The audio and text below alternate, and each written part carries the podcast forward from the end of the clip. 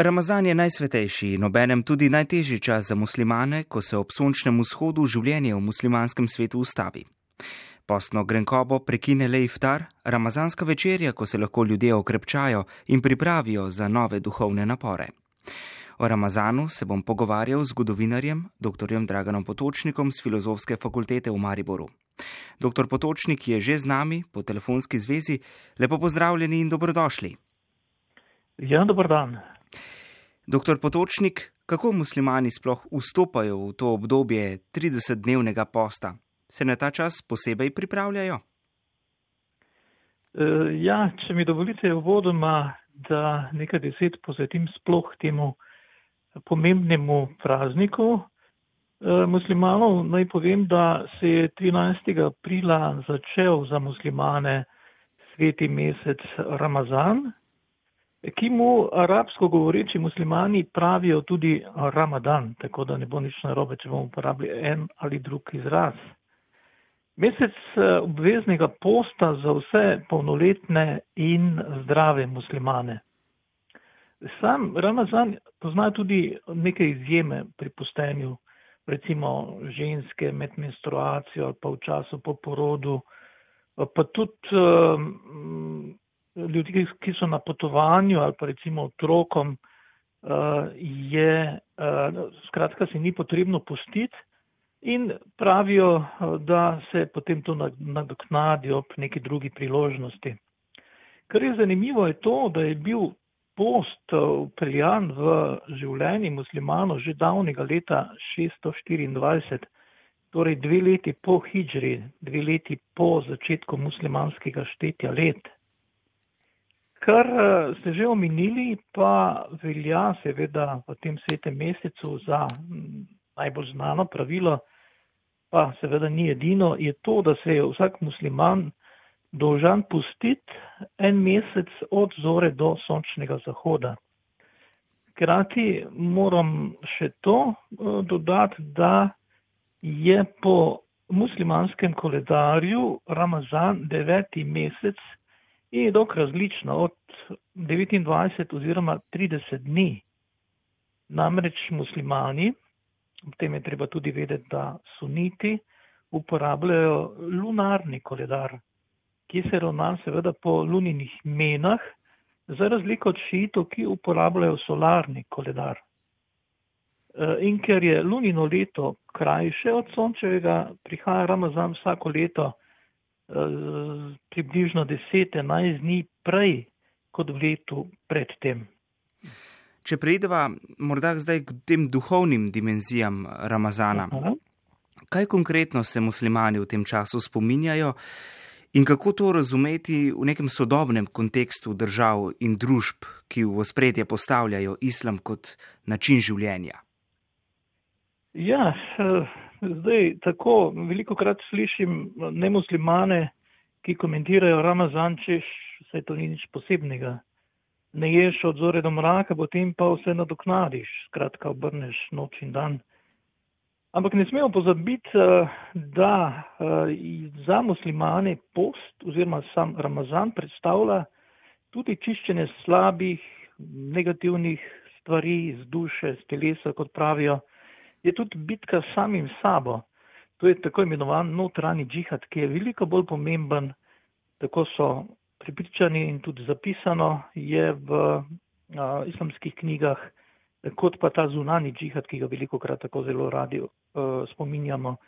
Pravimo torej a, temu, da se človek bori, da bo naslednji dan boljši od minulega, da premaguje svoje želje, strasti, podarijo, recimo, da mora biti med Ramazanom zdržen prav vsak del človeškega telesa. To, kar je pomembno. Spravi, recimo, primer, jezik ne sme obrekovati, oči ne smejo pogledovati za prepovedanimi stvarmi. Potem recimo roka se ne sme dotakniti ali vzeti ničesar, kar ni njeno. Tudi ušesa ne smejo poslušati, recimo govoričenja ali pa kletvic in podobno. Skratka, post ne zajema le odrekanje hrani, pijači, ampak gre za popolno predanost človeka uh, Bogu. Se pravi, čas samodiscipline, samokontrole, žrtvovanja in predvsem torej tudi eh, sočutja, do drugih, dobrodelnost je zelo poudarjena. Vse to pa na nek način zapoveduje Koran. Namreč morda še to, da po verovanju muslimanov je v Ramazanu Bog poslancu Mohamedu začel razodevati sveto knjigo muslimanov Koran. Zato muslimani v tem času tudi zelo intenzivno se posvečajo molitvi oziroma branju svete knjige. Doktor Potočnik, veliko ste potovali po muslimanskih državah. Kako razumeti prav mesec Ramazan v tem kontekstu držav in družb? Je to del nekega vsakdana?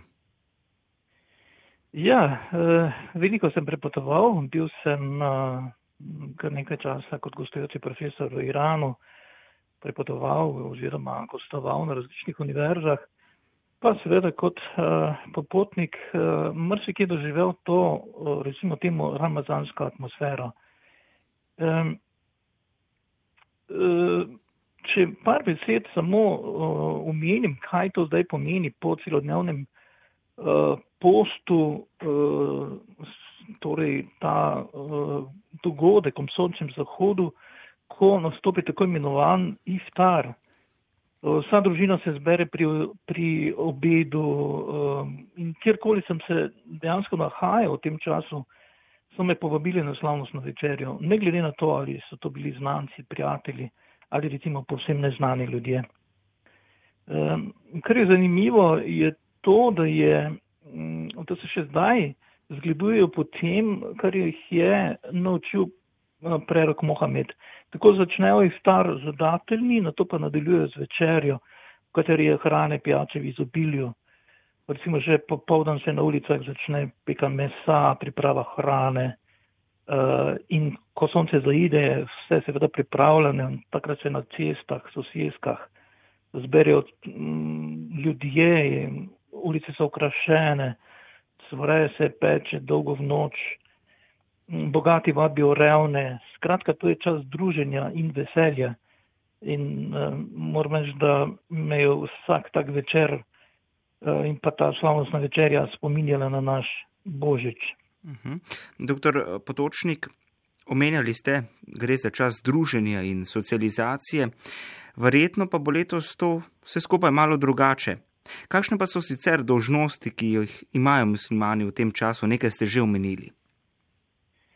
Ja, torej, poleg tega, kar sem omenil, torej, glede na to, da je treba biti, se treba pustiti, moraš biti vzdržen, se pravi, v vseh vidikih človekovega življenja, hkrati pa seveda tudi ta molitev, dnevna molitev, predanost Bogu, služiti Bogu, na nek način tudi Eh, prositi za odpuščanje, vse tisto, kar si slabo naredil v preteklosti in se predati prihodnosti. Se pravi, na nek način je to soočenje s samim sabo in to je tisto, kar je mene vedno, moram reči, zelo impresioniralo. Morda Zato, ker, iskanje ja? te skladnosti med telesom in duhom, morda.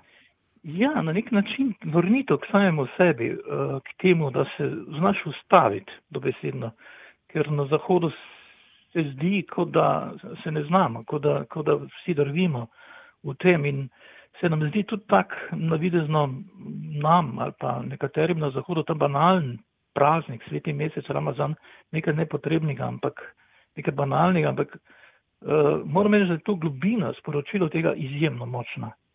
Podobno kot so te dnevne molitve, ne vem, eden od temeljev vere, uh, poleg uh, torej, uh, Ramazana je tudi petkrat moliti na dan, kar pomeni, seveda se petkrat na dan, če ne druga, ustaviti, umiriti telo in duha in se posvetiti, ne zadnje, seveda Bogu oziroma sebi.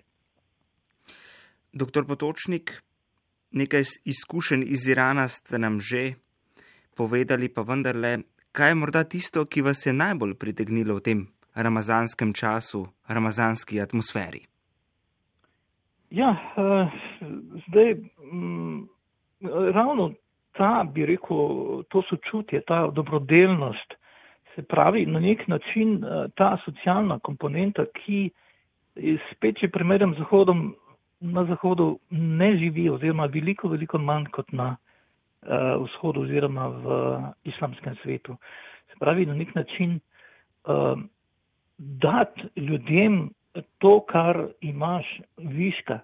Pravijo recimo že v hadisu je zapisano, kdor priredi iftar, se pravi to slavnostno večerjo v Ramazanu, bo imel enako nagrado kot tisti, ki se posti.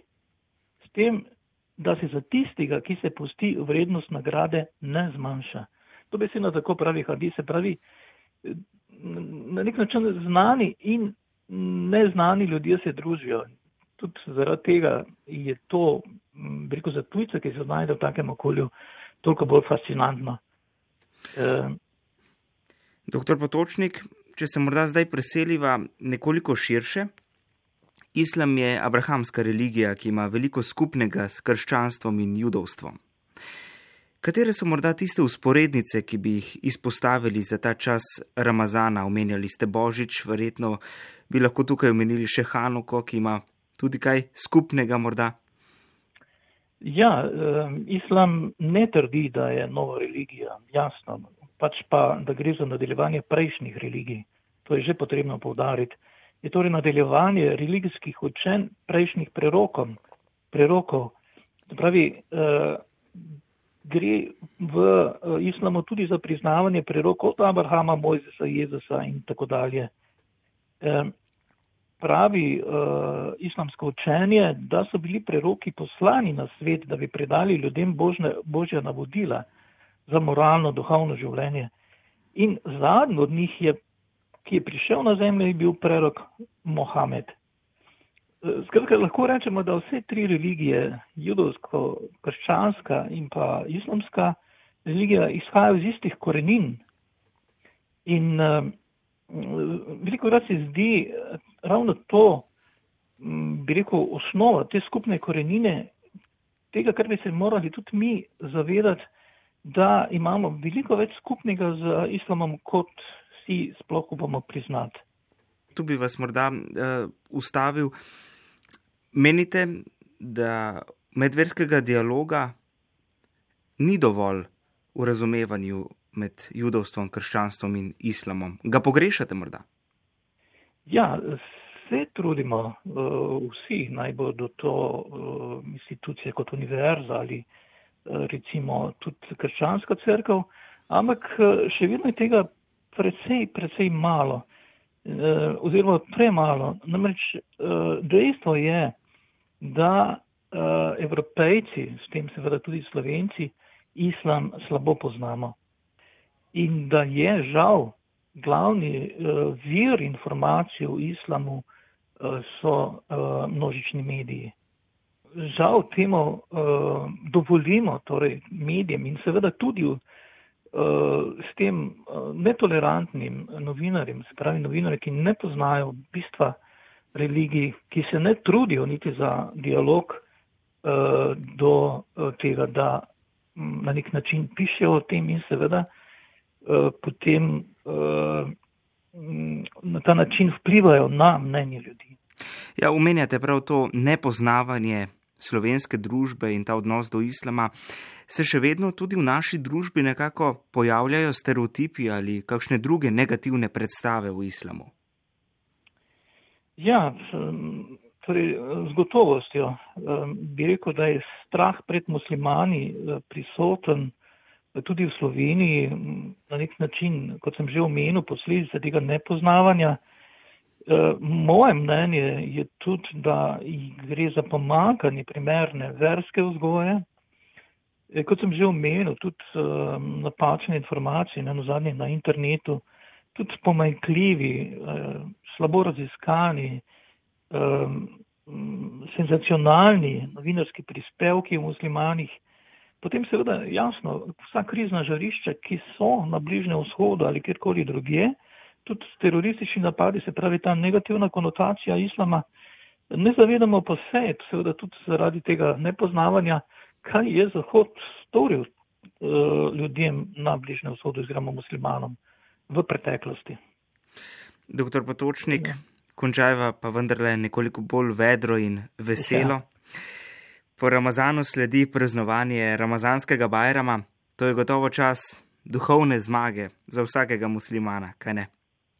Ja, to je torej, čas, ko po dolgih dnevih posta uh, prije do velikega praznovanja, na nek način uh, podoben našemu božiču in vem, kulminacija vsega tega dogajanja. Poleg Kurban Bajrama je to najpomembnejši praznik muslimanov in ima v uh, življenju vsakega vernika oziroma vernice posebno mesto. Uh, zanimivo je to, da se uh, za Bajram muslimani, uh, tudi uh, torej ženske, moške, otroci oblečajo svoje najlepše oblačila in uh, da to pripravijo že pred Bajramom. Uh, skratka, da so svečano lepo oblečeni in potem gredo najprej na ta namaz, pravi na molitev, grejo po eni strani poti, povračajo se po drugi, da bi dobili več božje milosti, kot pravijo.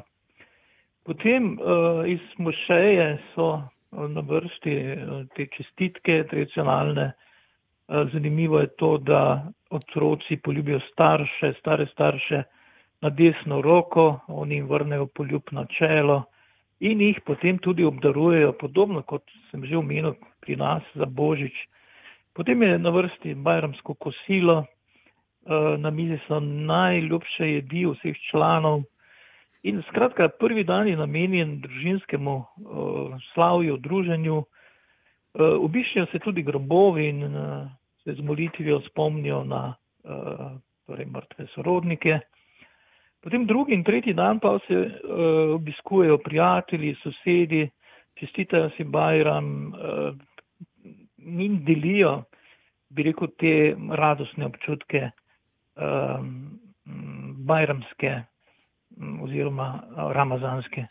Skratka, čudovit čas. Gre za nek občutek veselja in radosti, tiste ja, zmage ob premagovanju, ob postenju, ki se zaključi, verjetno. Ja, jaz mislim, da si vsak človek to tudi zasluži po nekem žrtvovanju, eh, potem tudi nagrado in tako je to tudi mišljeno v tem uh, telesnem in uh, duhovnem smislu. Doktor Potočnik, najlepša hvala za vsa vaša pojasnila. Ja, tudi vam z veseljem. Najlepša hvala. Vam, drage poslušalke in cenjeni poslušalci, pa lep preostanek dneva.